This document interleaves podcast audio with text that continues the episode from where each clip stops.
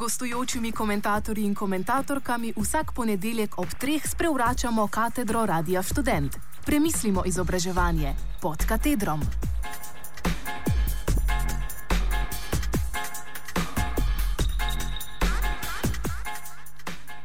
Usmerjeno usposabljanje na vidiku.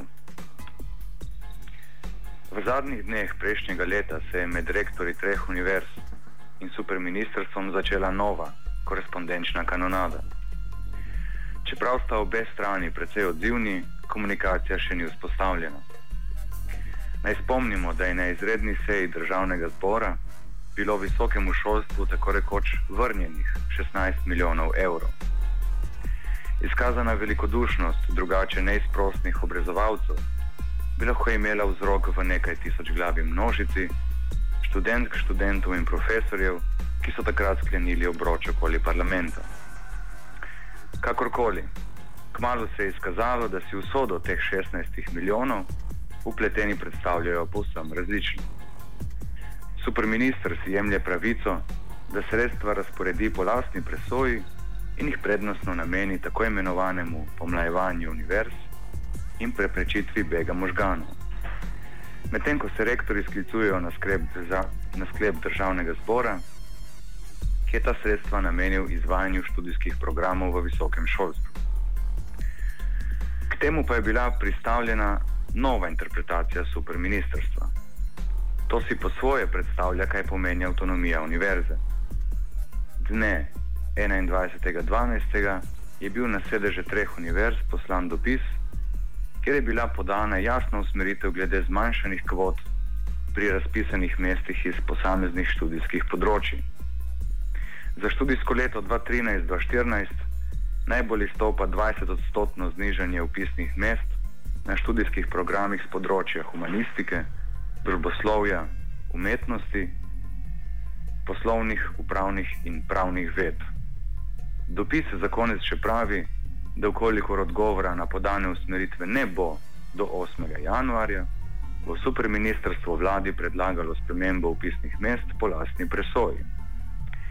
Odgovor na dopis, ki sta ga zdaj poslala in podpisala Lepe Javnik in Rebol, ni mogel skriti začudenja. Superministrstvo si je po opravljenem usklajevanju glede tega vprašanja in poteklih rokov za to početje kratko malo premislilo. Presenečenje hitro mine, če pomislimo na dosedanje prakse sprejemanja zakonov in reform, ki dajo slutiti, da so izredne razmere že tu in da je potrebno sintagmo krizno upravljanje vzeti prekleto resno. Tako kot superministrstvo ljubi in čivka le še pol stavke neizbežne nujnosti, tako so tudi njihova dejanja podobna krmarju, ki ne more več drugače kot le še naravnost naprej. Enostransko izkazana namera last minute upravljanja z upisnimi mesti se utemeljuje s trenutnimi razmerami in potrebami trga dela. Mnogi bi k temu porekli, da je to vrstno uravnavanje in upravljanje upisa smiselno. Logika povpraševanja ponudbe pač. Vendar se s temi in podobnimi potezami prosto odpira pot v dokončno potvorbo univerze v nekakšen služeči servis kadrovske ponudbe. Gonilni razlogi v ozadju so raznovrstni. Lahko je to denimo nacionalni interes ali trenutna vizija vrhovnega makromenedžerja družbe ali pa nova obveznost v kakšni razvojni druščini. Rezultat je pa venomer isti. Univerza kot skupnost študentov in profesorjev je postavljena v vlogo služenja družbenim potrebam. In bolj kot bo nevidna pošast krize stiskala svoj primež, bolj bo treba služiti in naprezati sile, je moče dalje pogosteje poslušati. V prejšnjih rubrikah pod katedrom je bilo že rečeno, kako zgrešeno se je univerza branila pred rezi v visokem šolstvu. Z argumenti o uporabnosti in nujnosti za družbo je skakala likvidatorjem naravnost do žrelo.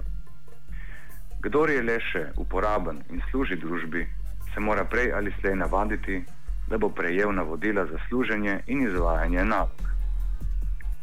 Superminister je pred časom že demonstriral njegovo vizijo univerze in to nazorno podobil straniščnimi metlicami.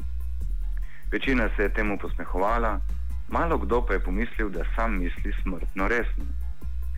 Zato se ne gre čuditi, da iz superministrstva prihajajo direktive za visoko šolstvo o nekakšnem učinkovitem produciranju in prodajanju znanja. Kaj to sploh pomeni? Stvar je banalno preprosta, le spomnite se moramo na mahanje z metlicami. Z njimi je bilo ponazorjeno, da moramo producirati in prodajati take vrste znanja, da bo slovensko gospodarstvo lahko ponudilo izdelke z visoko dodano vrednostjo. Pa naj si bodo to metlice, rakete ali informacijske storitve.